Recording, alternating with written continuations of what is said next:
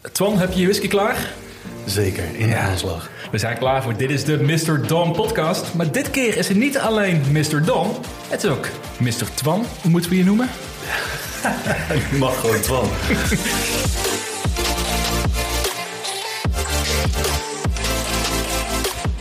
Gewoon Twan. We, we- we hebben gewoon Twan ook in, eh, in de studio. Of in de studio. Het, het leuke is, eh, die Twan ken je misschien van meer of minder.com. Hè? We zijn ongeveer dezelfde tijd zijn wij begonnen met beleggen. En wat blijkt, we zijn buurman praktisch. Ja, mooi. Ja, dat was wel lachen vorige week inderdaad. Toen we zeiden van, joh, laten we eventjes eh, kijken wat we, wat, we gaan doen een beetje met, met de podcast. En toen zei hij van, laten we even bellen. Toen zei ik van, nou ja, hè, woon je in de Rand- Randstad? Ik woon in de Randstad. Ik denk, nou ja, kom even eh, anders hierheen of zo. Toen zei hij, hé, dat is in mijn buurt. Ik zei, wacht even, in mijn buurt? Dat is ook mijn buurt. Dus ik, eh, ja, echt bizar dat je dan elkaar volgt al een paar jaar en dat het dan gewoon om de hoek is eh, bij elkaar. En dat je elkaar tr- trouwens ook nog nooit bent tegengekomen. Dat vind ik ook bizar. Nee, we hadden elkaar nog niet in de supermarkt Nee. gezien. Al gaf je erbij wel dat jij nooit naar de supermarkt gaat. Dus nee, dat eh, mijn, nee. je reden. Ik geef toe, mijn vriendin die, die gaat altijd naar de supermarkt. Ja. Nee. Hey, maar, maar leuk, ik denk van, dit is de eerste keer dat we eigenlijk een, voor de Mr. Don podcast een, een duo-aflevering doen eigenlijk. Hè? Waar we samen de show leiden. En eh, nou, ik ben vooral heel benieuwd wat, eh, wat jij als luisteraar ervan gaat vinden straks. Dus eh, laat het ons weten. En nou, voor ons denk ik heel erg leuk. Want dan kan ik eens een keer met iemand praten. In plaats van een monoloog te houden van 30 minuten over waar de wereld heen gaat. Ehm, misschien even kort hoe we gaan, waar we over gaan hebben in deze aflevering. We gaan het zo meteen hebben over het, ons gevoel in de markt. We gaan het hebben over het wel of niet beleggen in ETF's. En dat was een vraag die Twan ook op de- voor vandaag wilde bespreken. Eh, ik ben heel benieuwd hoe Twan denkt over het hebben van een geconcentreerd portfolio of juist een divers portfolio in deze tijd van de markt. Dus daar gaan we het over hebben.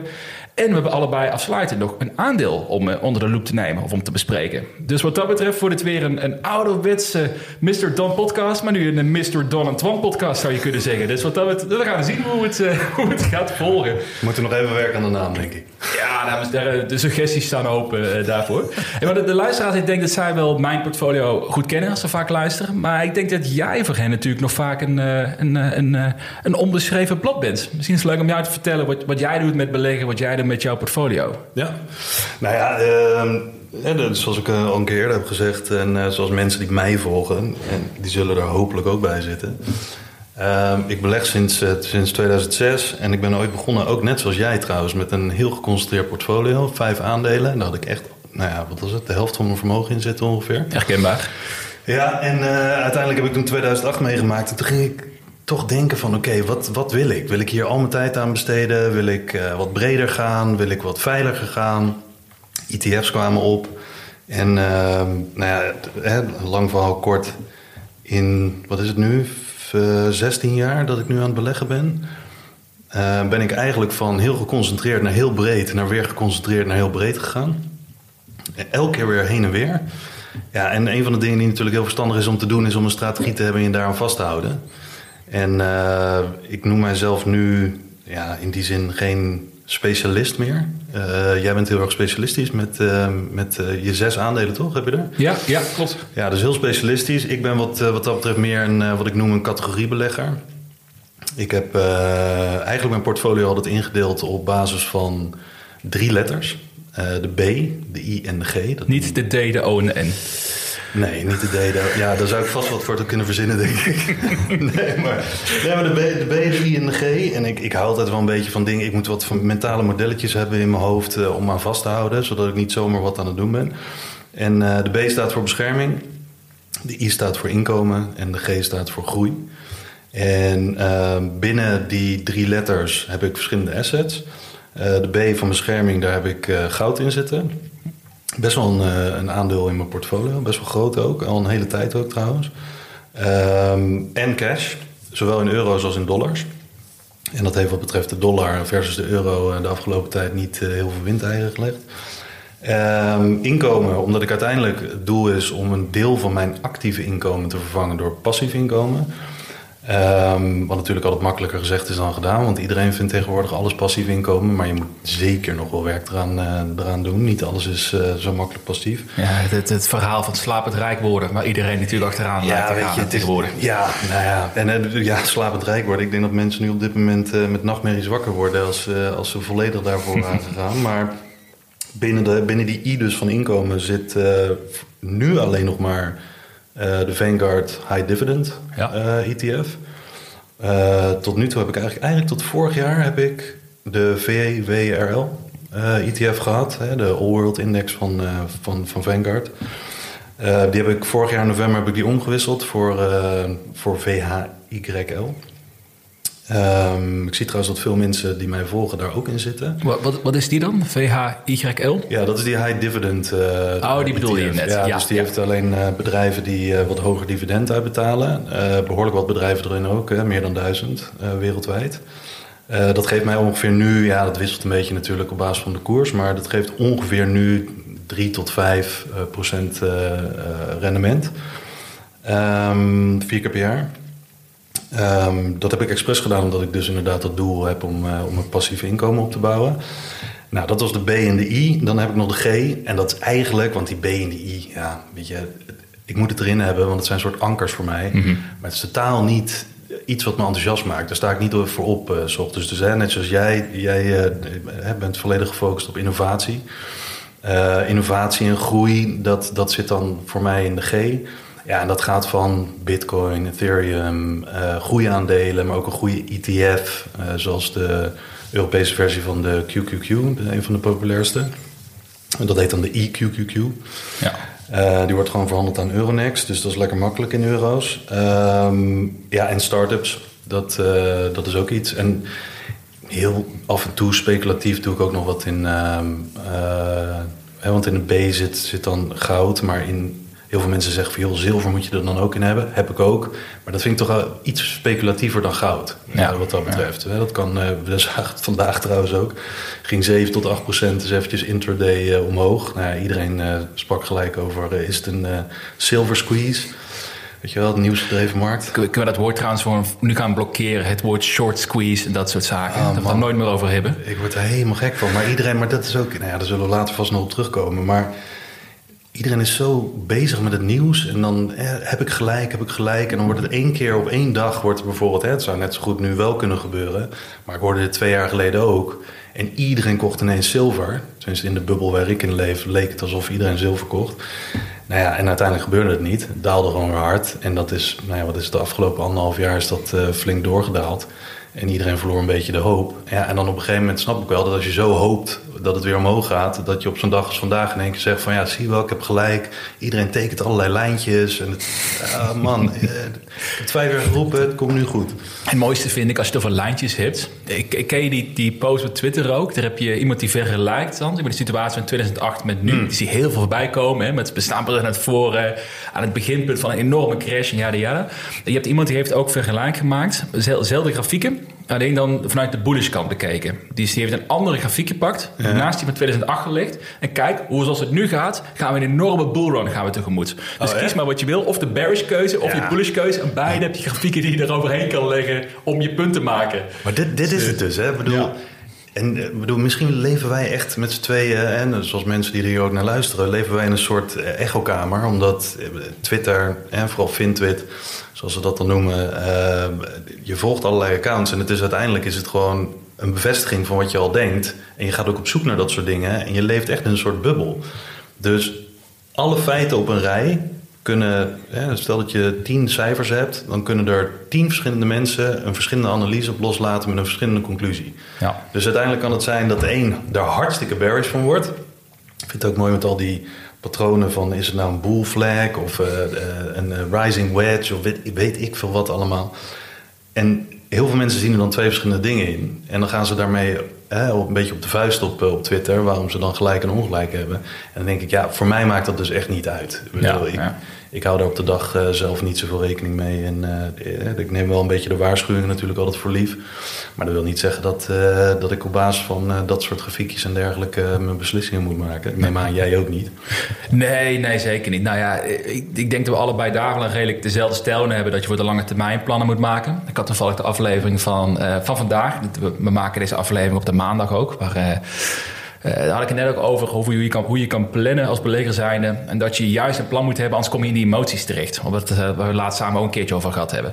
Maar even terug op je portfolio. Ik ben nog even benieuwd naar één dingetje. Ik moet wel even de opmerking maken nog, voordat wij aangeklaagd worden door de, de Nederlandse SEC. Ah. Dat dit, uh, ja, je weet waar je, Misschien herken je hem al, maar dit is geen financieel advies. Dus beleg alleen met geld dat je kunt missen. Heel belangrijk. Wij zijn allebei vooral vermakelijk, moet ik zeggen. Dit vind ik wel mooi, hè? Want dit is ook zoiets. Je moet het erbij zeggen. Mm. Maar hoeveel mensen, voor hoeveel mensen is dit ook ruis? Ja. Ik bedoel, je kan het overal zetten. En uh, het is zeker geen financieel advies. Want wij praten gewoon als twee jongens die het leuk vinden om te beleggen en daarover te praten. Zoals je dat doet op een verjaardag of wat dan ook. En dan ga je ook niet op een verjaardag zeggen tegen je vrienden van... hé, hey, trouwens, uh, Ewout, dit, is geen, uh, dit is geen financieel advies. Oh, goed dat je het zegt, want ik was gelijk al ingegaan. Ja, exact, exact. Ik ga nu meteen de politie bellen dat ze je moet oppakken ja, voor... Uh, ja, ik vind, ik inderdaad, het klopt inderdaad wat je zegt. En het is, wordt een beetje gekscherend ook. Van, nou, dan kom je weer met geen advies. En het, ik probeer er natuurlijk wel vaak over te, op bij aan te geven in de, in de podcast. Van, nou, er zit meer achter dan alleen maar kopen wat iemand zegt. Nou, toevallig in deze podcast van deze week ook over gehad. Maar um, even terugkomen op jouw portfolio. Want wat ik interessant vond. Jij gaf naar de aan, je belegt al een, een, tijdje, 16 jaar of zo geloof ik, ja, zei net. Zoiets. Je zei aan, dat je begon ook heel geconcentreerd, je bent een beetje gaan uh, alle kanten op bewogen eigenlijk. En nu zit je meer aan de veilige kant, hè, kan ik denk wel zeggen. Of de, meer de diverse kant. Ja, je kijkt naar de geballen, ja, een beetje de gebalanceerde, gebalanceerde kant. kant uh, hoe heb je, waarom heb je toen die keuze gemaakt om de gebalanceerde kant te kiezen in plaats van dus die focus die je in het begin had? Ouderdom.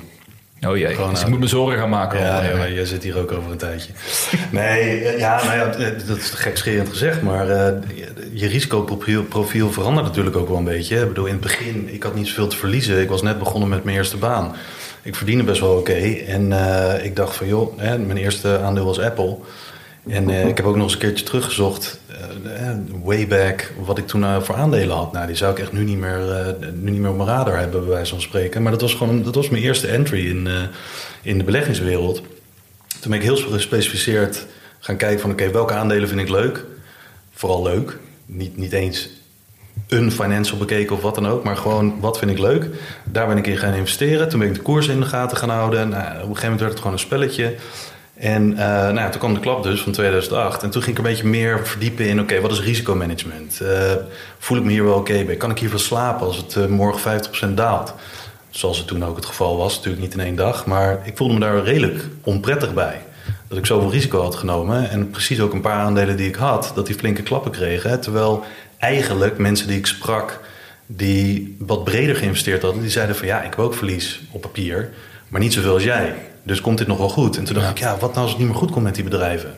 Dan ben ik dus echt voor altijd mijn geld kwijt. Nou ja, dat geeft je dus wel een beetje een soort feedback van... oké, ik moet hier wat mee gaan doen uh, met risicomanagement. Toen ben ik echt puur zoals het dan vaak gaat bij mensen. Het is of 1 of 0. Uh, hè? 0%, 100%. Dat is ook in de sportschool vaak zo. Um, toen ben ik uiteindelijk ben ik uh, helemaal doorgeslagen naar heel breed te gaan. Gewoon proberen om met meer spreiding mijn risico's af te dekken. Maar al snel erachter gekomen, hoe meer spreiding je hebt, wil niet zeggen hoe veiliger je bent. Want uiteindelijk meer toevoegen dan waar je overtuiging in hebt, geeft meer risico, want je houdt het allemaal niet in de gaten. Ja, dus, ja zeker. En uiteindelijk heb ik nu dus een portfolio waarvan ik echt zeker weet. Eh, ik bedoel, ik weet niet zeker of het succesvol wordt. Dat weet niemand, want dat is je risico natuurlijk. Maar ik weet wel dat ik het allemaal in de gaten kan houden, wil houden. En dat ik heb ook één regel voor mezelf gezet of gesteld als het naar beneden gaat, wil ik er nog steeds in blijven beleggen of niet? Mhm. Als het antwoord nee is, nou, dan moet ik het eigenlijk nu ook al wegdoen. Ja. Want dan ga je hopen dat je weer break-even komt en dergelijke. Dat is een beetje een, een, een fool's game. Een beetje het verhaal van uh, als het weer break-even is, dan ga ik verkopen. Ik wacht even tot hij weer omhoog gaat. Ja, dat, nou ja, En dan of het komt er niet, hè, dan, dan ben je redelijk uh, de sjaak en dan waarschijnlijk daalt het nog meer. Of je komt break-even en dan denk je, ja, maar nu ga ik niet verkopen. Ja, Want, uh, weet je, het gaat nu zo goed, dus uh, ik wil winst maken. Je bent jezelf continu eh, gek aan het maken met die lat die je verlegt. En dus uiteindelijk, hè, met mijn portfolio, ik heb nu het, het idee uh, dat ik er goed van kan slapen. Dat ik met bescherming, dus in de vorm van goud en cash, toch nog wel wat, wat, wat, wat directe bescherming heb. En dat ik met cash mijn rekeningen, mocht morgen al mijn inkomen wegvallen, dat ik de komende, wat is het, 12 maanden uh, nog door kan komen. Ik kan uh, de dips, die altijd blijven dippen, kan ik, uh, kan ik blijven kopen. En met goud, ja, daar heb ik totaal geen zorgen over. Daar maak ik me ook geen zorgen over. Dat groeit niet hard. Het is ook geen manier om geld mee te verdienen. Het is meer om hè, een beetje mijn, mijn koopkracht mee te behouden. Is ook een beetje alternatief voor cash misschien dan? Goud en zilver? Ja. Ja, en ik, ik heb ook echt geen problemen mee. Ik heb nog wel eens in een, in een blogpost geschreven dat ik heb er ook echt geen problemen mee om het te verkopen als ik daar grote plannen mee heb. Met dat geld, of als ik het geld nodig heb, heb ik met goud echt geen probleem om dat te verkopen. Um, en met dat inkomen uh, in, in die ETF, die high dividend ETF, ja, dat, dat wil ik gewoon aanhouden, want dat is mijn doel. En met groei ben ik uiteindelijk toch wel hè, voorzien van mooie mogelijkheden om wat groei mee te pakken. En hè, bitcoin, ik bedoel groei, ja, dat is de ultieme groeimiddel in die zin. Uh, super hoog risico natuurlijk. Maar als daar winsten zijn, dan neem ik ook een deel van die winst. En die gaat dan weer naar bescherming en naar inkomen. Dus zo vul ik dat aan. Maar je hebt dan ook een plan gemaakt voor jezelf. Als het zoveel procent gestegen is, dan stap je eruit? Of heeft het met te maken met de waardering van het aandeel, de groei die erin zit? Ja, dat is een beetje een mix van dingen. Want ik heb, bij sommige dingen heb ik van tevoren een idee van... oké, hè, dat zeggen ze ook altijd. Als je ergens instapt, moet je ook je exit weten. Vind ik moeilijk, want uh, op het moment dat ik instap... zijn de marktomstandigheden vaak niet hetzelfde als wat wanneer ik wil uitstappen. Uh, wel als het gaat bijvoorbeeld om dingen waar ik in investeer of in beleg... en waarvan ik denk van nou, ik wil een klein ritje maken... Tuurlijk. Meer momentum ja, beleggen doe je daarmee ja, dan. zoals vandaag heb ik ook weer... Uh, ik had, wat was het, twee weken geleden had ik iets gekocht... Um, dat is dan meer echt voor, voor heel korte termijn. Vandaag weer verkocht. Nou ja, 100 euro winst, prima. Ja. Um, dat heb ik van tevoren bepaald. En als het dan doorschiet, maakt me ook echt niet uit. Maar voor de lange termijn beleggingen um, baseer ik meer het uitstapmoment. Ik stap nooit helemaal uit. Maar meer een percentage ervan stap ik wel een beetje gelaagd uit. Dus bijvoorbeeld met Bitcoin, dat is het ideale voorbeeld, wat in één keer zo ver door, door naar boven kan schieten. Um, dan ga ik gewoon 10% winst nemen van het totaal. Weer 10% als het bijvoorbeeld uh, 20% doorstijgt. Die dingen heb ik dan wel op het moment dat zo'n run-up komt. En je ziet natuurlijk uh, van die sentimentindicatoren. Je hebt ook je eigen indica uh, indicators. Bijvoorbeeld in de zin van wat heel veel mensen zeggen als de kapper erover begint te praten en, uh, en de taxichauffeur. Ja, dan weet je het. Nou, dan moet ik van mezelf ook echt wel een beetje winst nemen. Als, als de kapper begint te praten over desktop metal, dan ga ik me echt zorgen maken trouwens. Ja, dat, nou, uh, ik, weet, ik weet niet bij welke kapper jij zit. nou, degene die mij zonder pet hebben gezien, dan weten dat ik niet bij heel veel kappers kom gelukkig. Dus dat, uh, ik heb geen enkel sentiment. Oh, dus over, ja, ik ga geen rare dingen meemaken dat ik mijn aandelen moet verkopen. Maar ik vind het wel een interessante vraag, want dat is iets waar ik, um, waar ik zelf ook soms wel lastig vind eigenlijk. Is wanneer, kijk, je, je koopmoment bepalen, heb je meerdere manieren voor. Er wordt veel over geschreven, veel over gepraat. Maar ja, wanneer moet je nou verkopen? En wat mij is opgevallen is dat je de meeste verlies kun je waarschijnlijk maak je door aandelen te vroeg te verkopen. In plaats van dat je bijvoorbeeld een aandeel met een verlies verkoopt, wat mensen eigenlijk verwachten. Ja. En ik, ik zat er laatst over na te denken: van stel nou voor bij een, bijvoorbeeld een desktop metal, nou, een aandeel die ik, die ik hoog op zitten als die nu 100% zou stijgen, bij wijze van spreken, zou dat dan een teken zijn om iets te moeten gaan verkopen of niet? Of zou ik moeten kijken naar het uh, fundament ervan? Dat is iets waar ik meer naar kijk.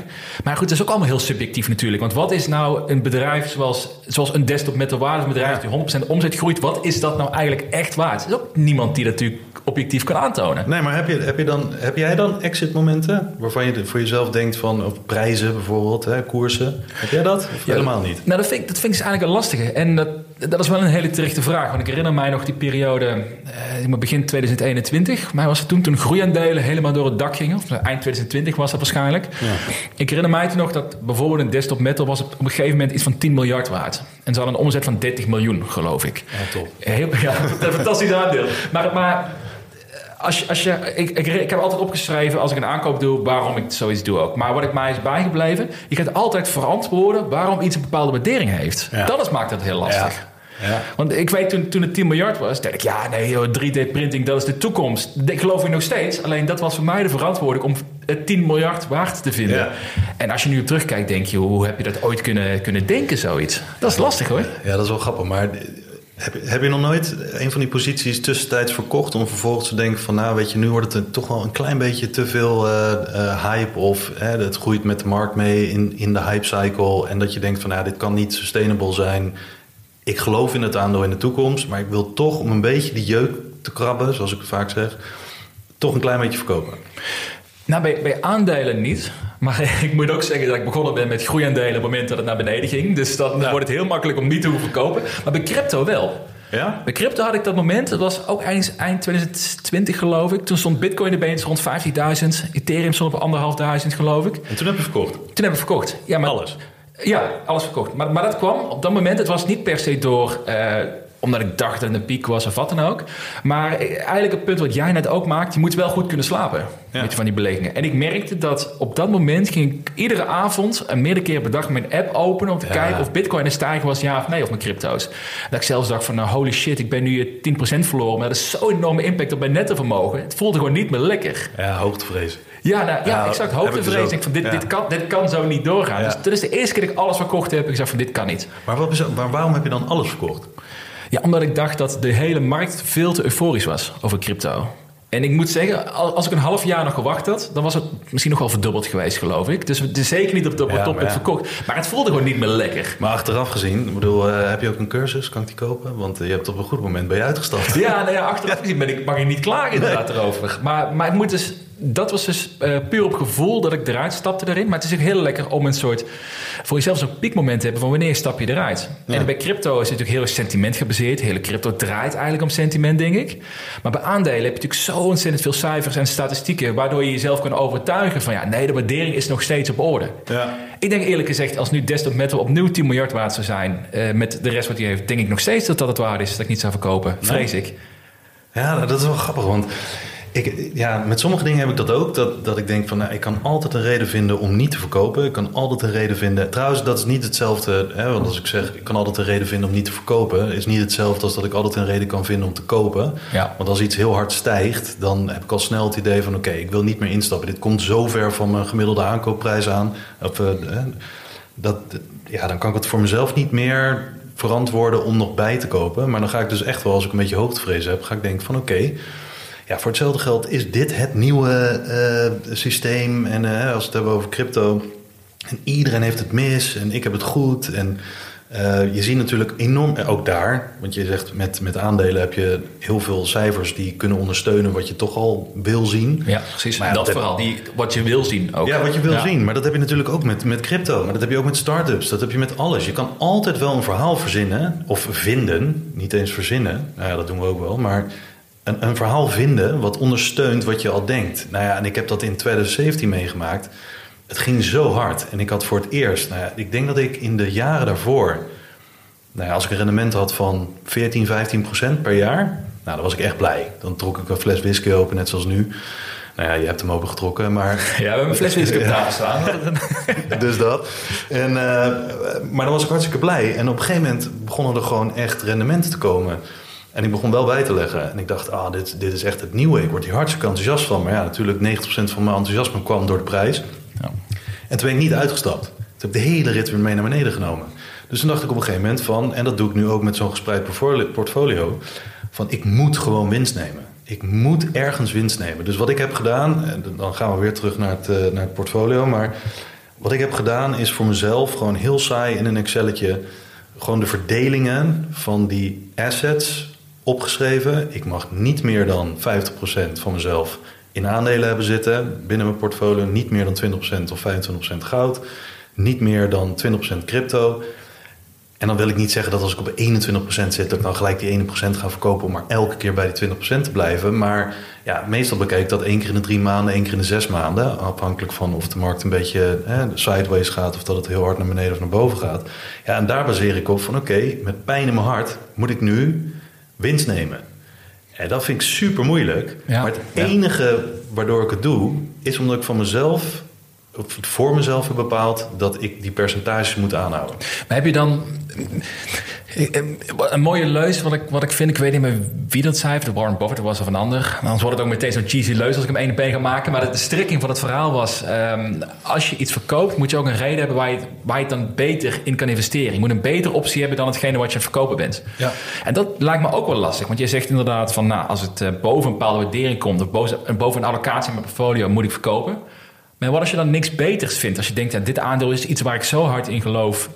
Ga je dan verplichten jezelf om toch risico te spreiden. Ja, maar dat is wel grappig, want ik heb, dat had ik dus van tevoren, of tenminste, denk tot vijf jaar, zes jaar geleden, had ik inderdaad dat vraagstuk van oké, als er, toen was ik nog niet in bitcoin, maar toen had ik hetzelfde vraagstuk. Oké, ga ik het dan cash zetten? Ga ik wachten tot iets lager komt of niet? Of en waar ga ik in investeren? Ga ik iets leuks kopen voor mezelf? Weet ik veel.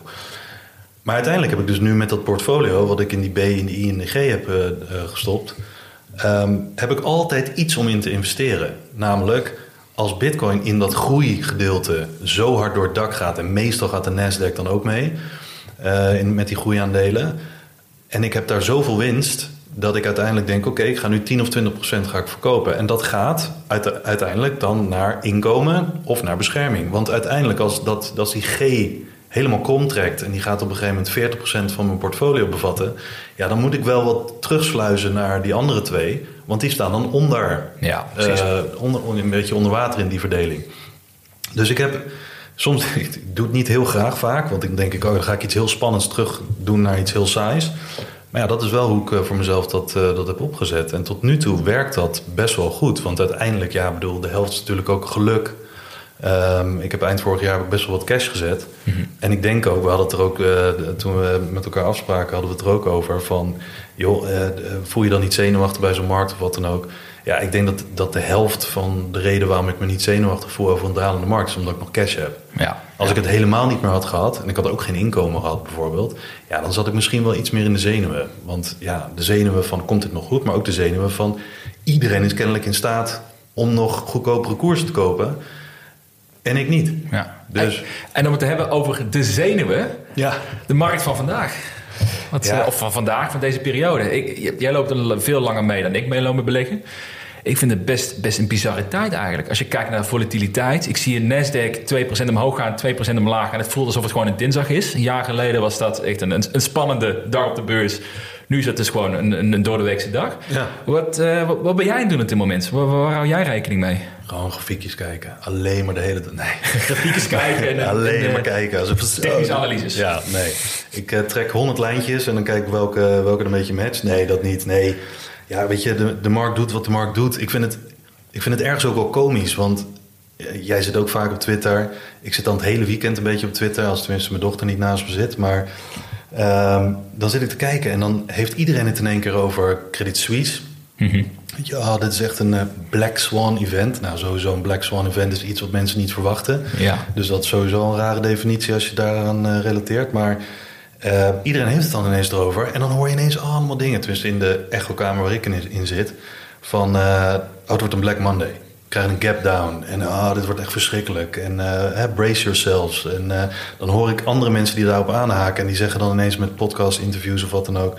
Uh, ga uit de bank, weet je wel. Uh, haal al je geld van de bank. Uh, zorg dat je, weet ik veel allemaal, zorg dat je een bunker koopt. Heb je nog gekeken naar Pieter Schiff of hij nog een, een, tweet geplaatst heeft afgelopen weekend? Ja, die Pieter Schiff. Ik, ik, moet wel zeggen dat iedereen maakt natuurlijk een beetje, of steekt de draak met bijvoorbeeld Jim Cramer of Pieter Schiff. Of iedereen die een beetje ook in dat boomercamp zit, zit, om het zo maar te zeggen. Maar ja, die mensen die weten ook wel wat. Het is alleen, hè, we, volgens mij hebben we het voor, tijdens een vorige podcast er ook over gehad.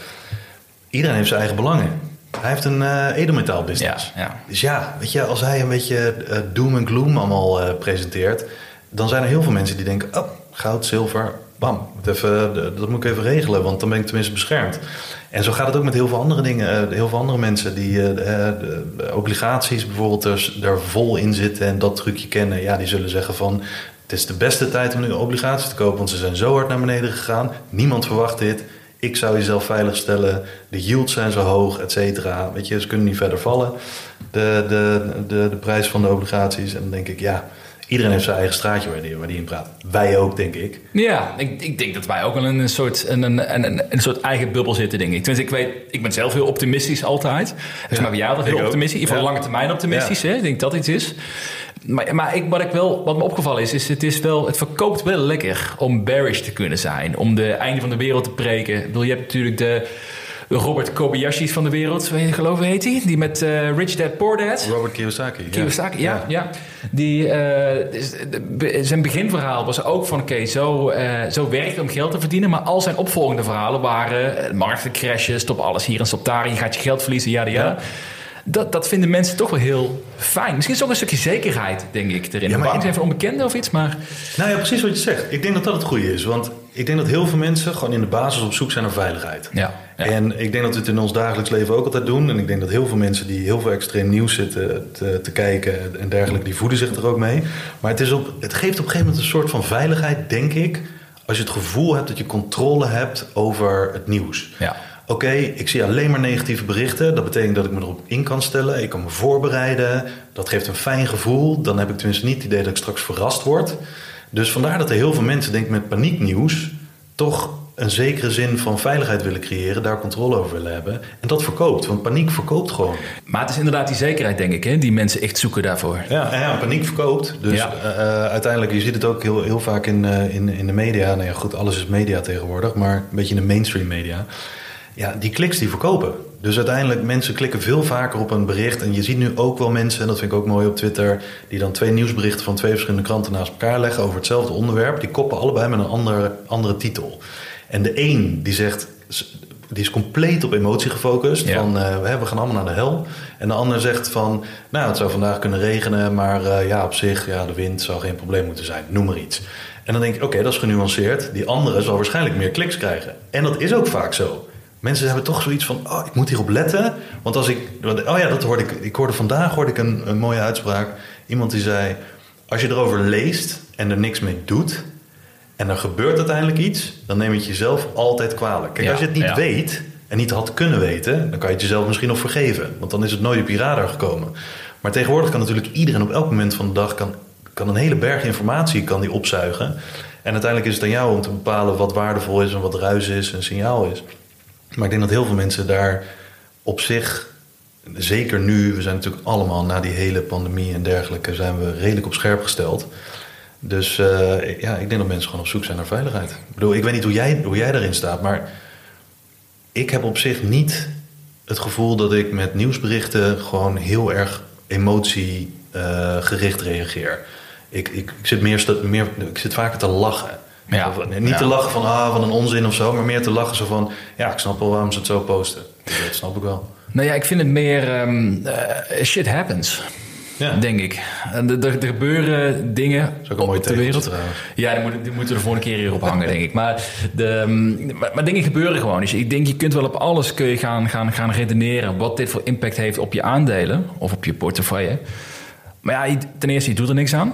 En ten tweede, uh, wat is je reactie? Ga je alles verkopen en op een later moment proberen in te stappen? Dan moet je twee keer gelijk hebben. Nou, succes om dat uh, voor elkaar te krijgen. Wie maak je er gelukkig mee? Je zit alleen maar te stressen waarschijnlijk iedere dag ja. om je portfolio in de gaten te houden. Want je weet dat er waarschijnlijk iets gaat gebeuren. Dus ja, ik, ik vind het niet zo constructief eigenlijk om daar naar te kijken. En daarom vind ik het ook veel leuker eigenlijk om te kijken naar die langere termijn. En ik had het toevallig dus in de, pod, de vorige podcast over. Uh, mijn rendement dit jaar is min 51 procent. Ah, Best netjes, netjes, moet ik zeggen. Netjes. Dat is uh, beter dan de, dus meer dan de Nasdaq gedaald is. Dus dat vind ik een overperformance. maar dan maar andersom bekeken.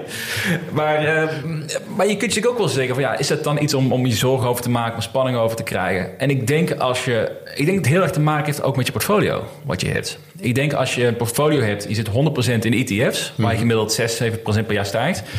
Ja, dan moet je je wel de zaakje zorgen maken dat je misschien zes, zeven jaar bezig bent om dat verlies te gaan compenseren.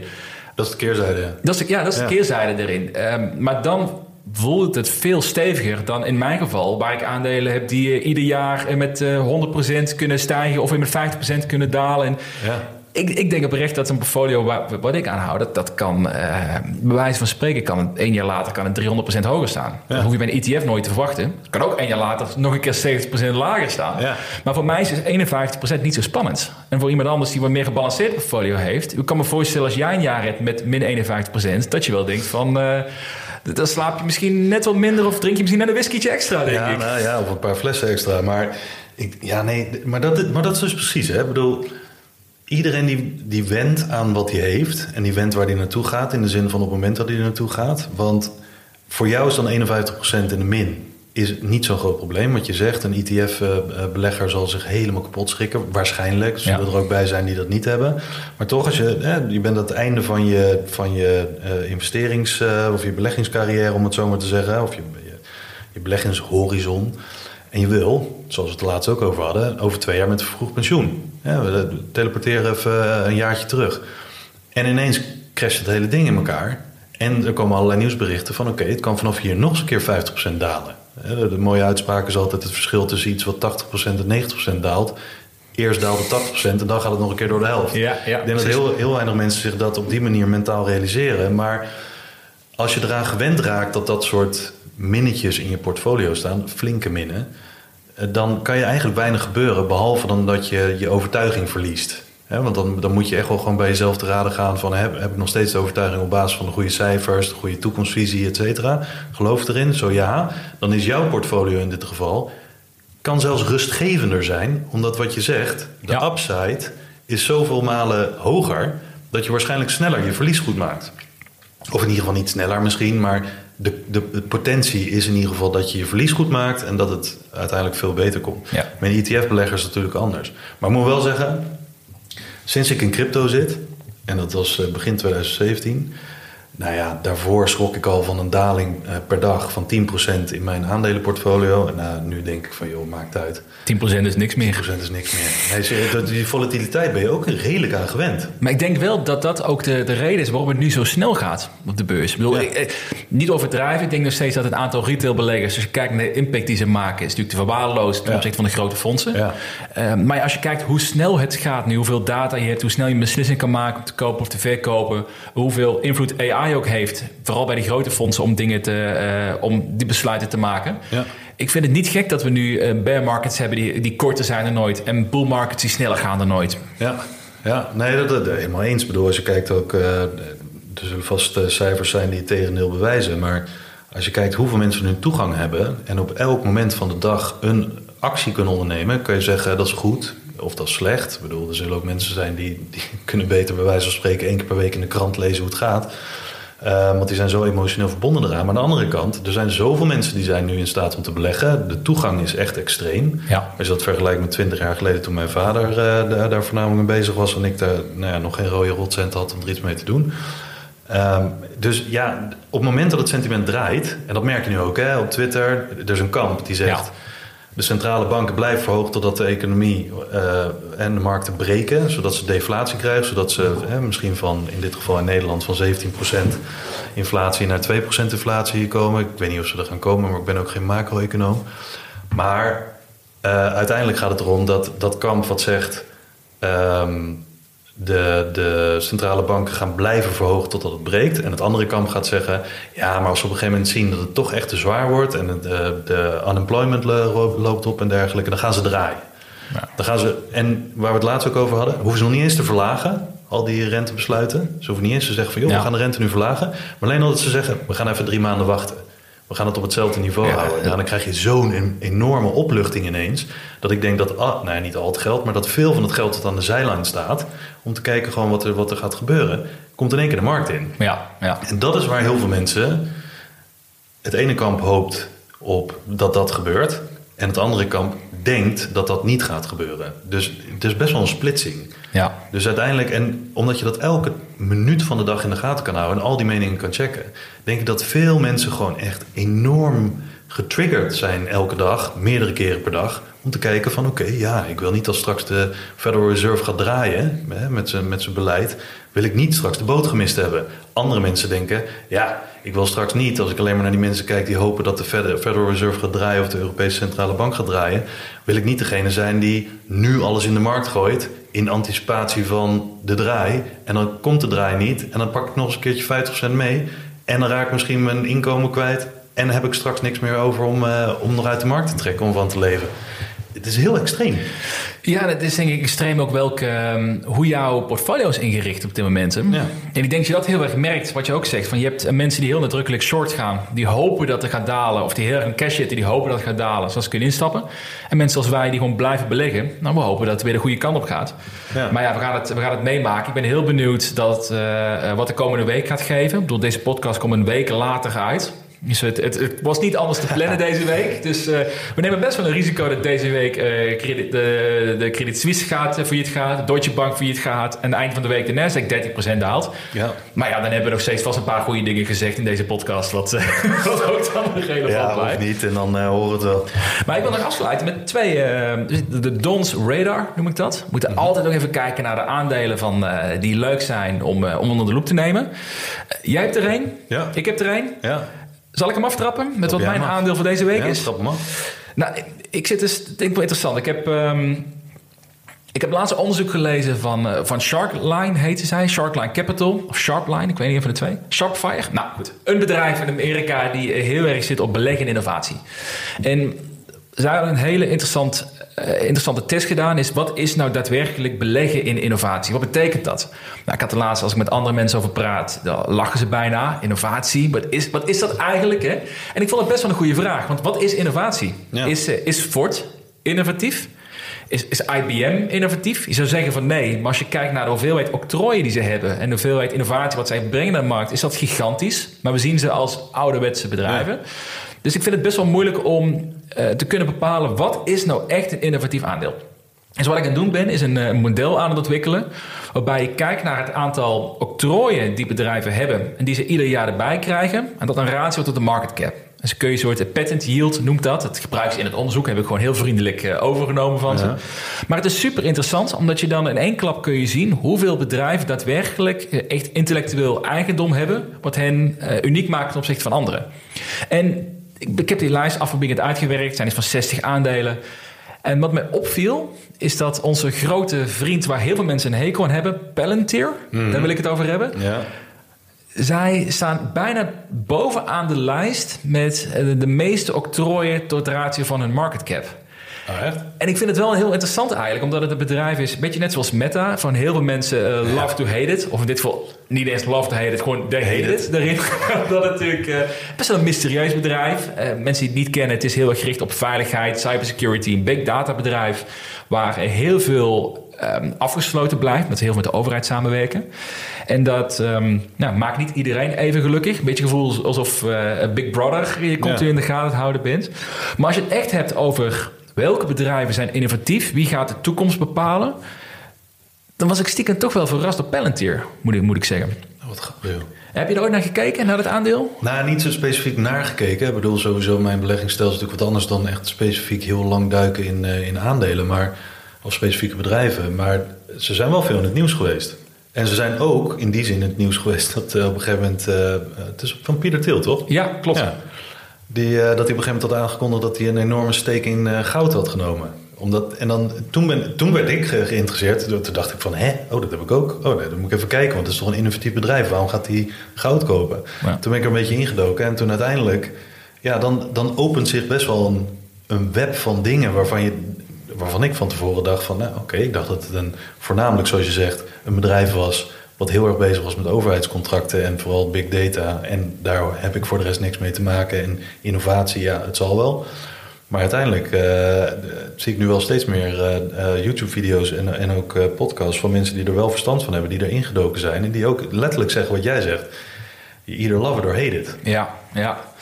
Ja, dat, dat vind ik het wel een interessant aandeel. Ik moet wel zeggen, ik wil niet meteen zeggen dat ik bullish ben of enthousiast ben over het bedrijf aan zich. Maar als je kijkt, als je echt onder de, onder de motorkap kijkt, dan uh, volgens mij bestaan ze al um, langer dan tien jaar. Ze hebben nog nooit een euro winst gemaakt. En hun compensaties en aandelen die ze uitgeven aan hun werknemers is gigantisch. Ja. Dus je, ieder jaar word je verder verwaterd. Dus er zijn genoeg redenen om terughoudend te zijn over het aandeel Palantir. Ja. Maar ik was best wel uh, verrast dus door, de, door het bedrijf Palantir. En ik zat te kijken, als je dat dus vergelijkt met de andere aandelen op die uh, top 60 lijst die ik heb, allemaal techbedrijven.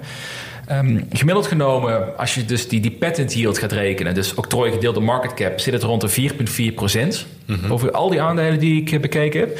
En Palantir zit met 6,3 procent echt ver boven. Ver boven uh, Microsoft, ver boven Google, ver boven Adobe. Oh, wow. Al die bedrijven die ik juist heel erg innovatief achter. Um, dus ik, vind, ik vond dat wel heel interessant om daarnaar te kijken. Ik denk nog steeds, en daar gaan we de komende jaren meemaken. Ik denk, een Palantir is zo'n zo'n bedrijf die of die wordt gigantisch. Het gaat later een van de, noem maar even, een van de top vijf, uh, gaat bij de FANG bedrijven horen. Mm -hmm. Of over twee jaar denken we, de businessmodel is helemaal rot. Het wordt overgenomen door een Google, een techbedrijf. En we gaan er nooit meer iets van horen. Ik denk echt dat het zo zwart-wit gaat worden. Maar zou dat, het, het zou een toevoeging voor je portfolio kunnen zijn? Of is het gewoon echt iets wat op je wish of watchlist staat... en dat je in de gaten houdt en dat je denkt, dit is interessant, dit valt me op... maar ik zou er zelf niet een aandeel letterlijk nemen? Maar ja, wat, wat vind, vind ik, dat is een terechte vraag. Ook wel een lastige. Nu op dit moment zeker niet omdat ik denk, ik ben veel huiveriger geworden voor eh, waarderingen, maar vooral voor eh, eh, shareholder compensations of stock-based compensations moet ik Ja. zeggen. En alle bedrijven die een groot deel van hun omzet uitgeven om maar nieuwe aandelen uit te geven, ja, dat, dat heeft zo ontzettend veel impact op je rendement. Ja. En ik vind het ook niet het beste signaal naar je shareholders toe... dat je ze ieder jaar serieus aan het verwateren bent. Dus daar blijf ik wel, wel van af. Ik vind het ook niet het... eh, ik vind het ook wel sp- een spannend bedrijf. Ik weet niet wat ik van moet vinden daarin. Het is een beetje Ehm, een black box. het is echt een black box. Maar goed, anderzijds, een, een Meta is ook daarin een spannend bedrijf. In de zin dat je er heel veel van kan vinden. Hoe ze met privacy omgaan en dat soort zaken. Maar als je daar puur op fundamenteel niveau gaat kijken naar... dat zijn nog steeds 40 miljard per jaar winst maken. Volgens mij is de PI rond de 12 of zo op dit Ja. moment. Ze zijn enorm aan het investeren in de metaverse en dat soort zaken. Ja, is dat dan een slechte investering ook meteen? En dat vind ik, dat vind ik wel een leuke case hoor. Ook. Ja, dat is, ja, en waar we het laatst ook inderdaad over hadden... als je de vergelijking met Meta maakt... dat eh, sommige mensen zijn ook zo emotioneel eraan verbonden. Ik kan bijvoorbeeld nu al niet meer, afgezien van dat het in die eh, Nasdaq-ETF zit... Ja, ik kan al bijna niet meer in Meta investeren. Ondanks dat ik denk dat het zeker nog wel eens met die hele metaverse en dergelijke... gewoon een kwestie is van tijd voordat ze dat helemaal ontwikkeld hebben... en dat ze nu een beetje een soort slamp hebben... Ja. En eh, dat het uiteindelijk een, eh, een enorme mooie zet eh, voor hun blijkt.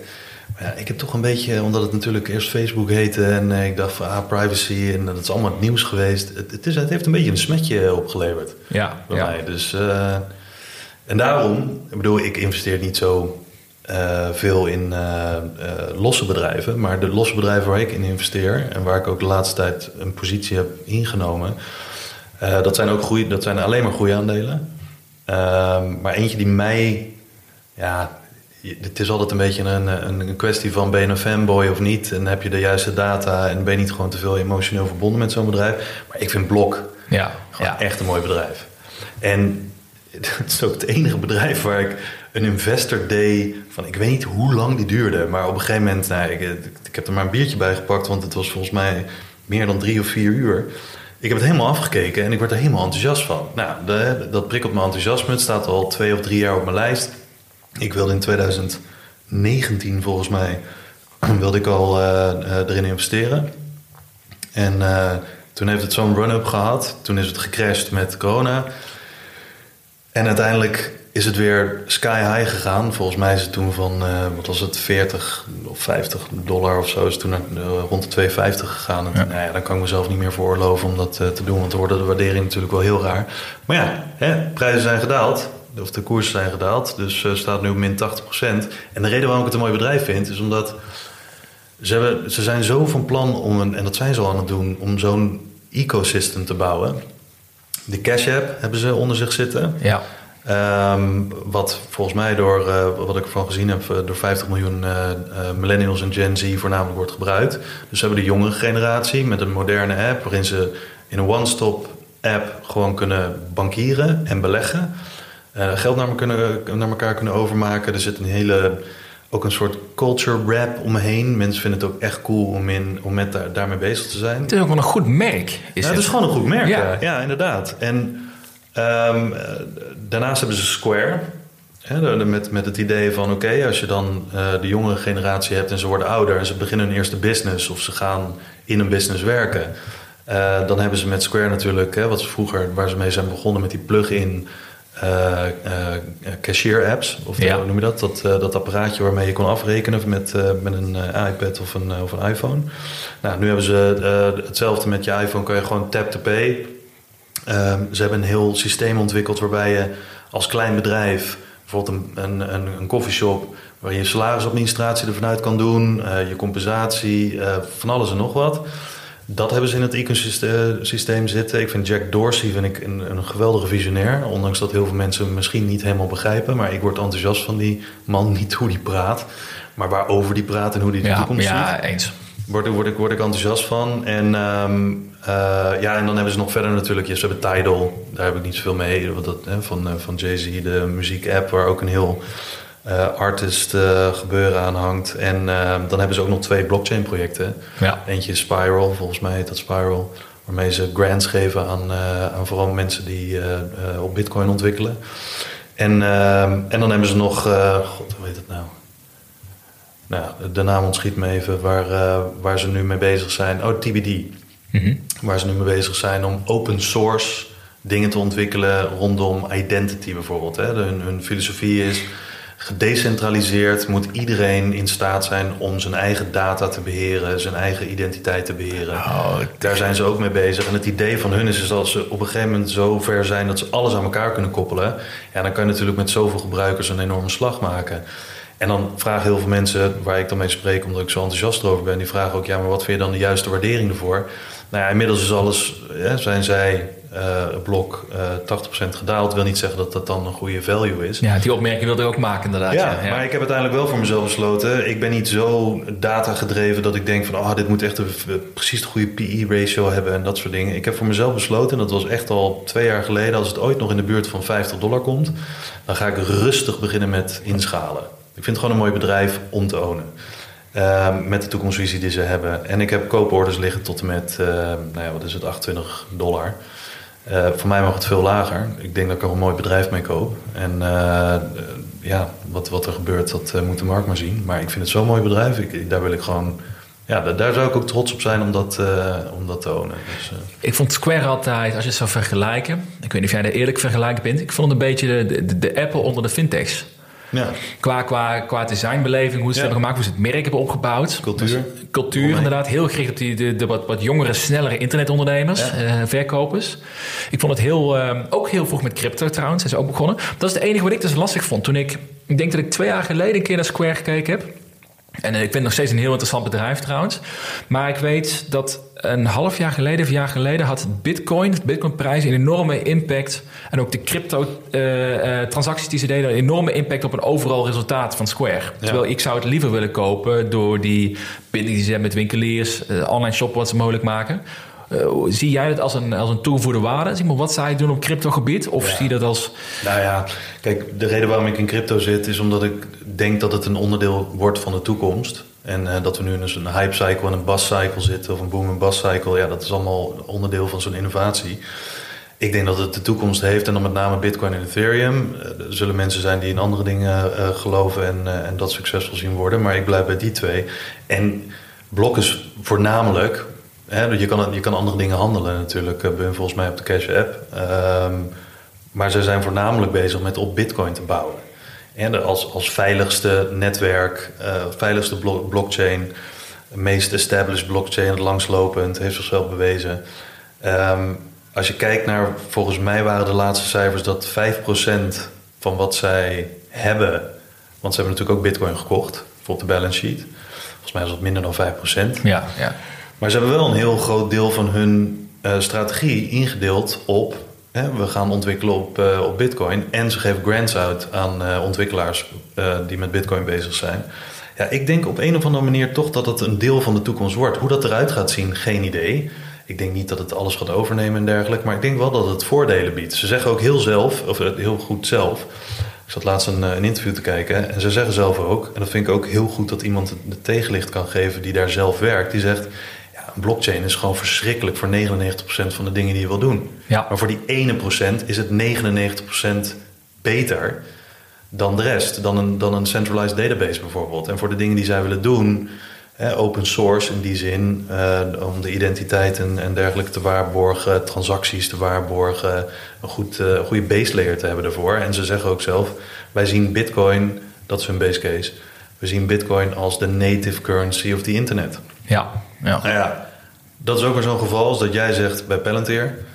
Of het wordt heel veel, of het wordt helemaal niks. Nou, en daar richt ik ook mijn portfolio op in. Dat uiteindelijk ik daar niet te veel risico mee neem met eens op bedrijf. Dat is anders dan wat jij doet. um, daar zou ik niet van kunnen slapen. Maar bij mij is het in dit geval... het mag maximaal 5% van mijn hele portfolio bevatten. Ja. En dat is al veel. Dus, uh, Nou, dan hebben we jouw keuze voor deze week. Of jouw keuze niet, maar het aandeel wat jou is opgevallen is eh, Square. Ja. Voor mij is Palantir. We gaan het meemaken. Komende weken, komende maanden, komende jaren moet je eigenlijk zeggen. Als, als ik goed wil zeggen. Ja, precies.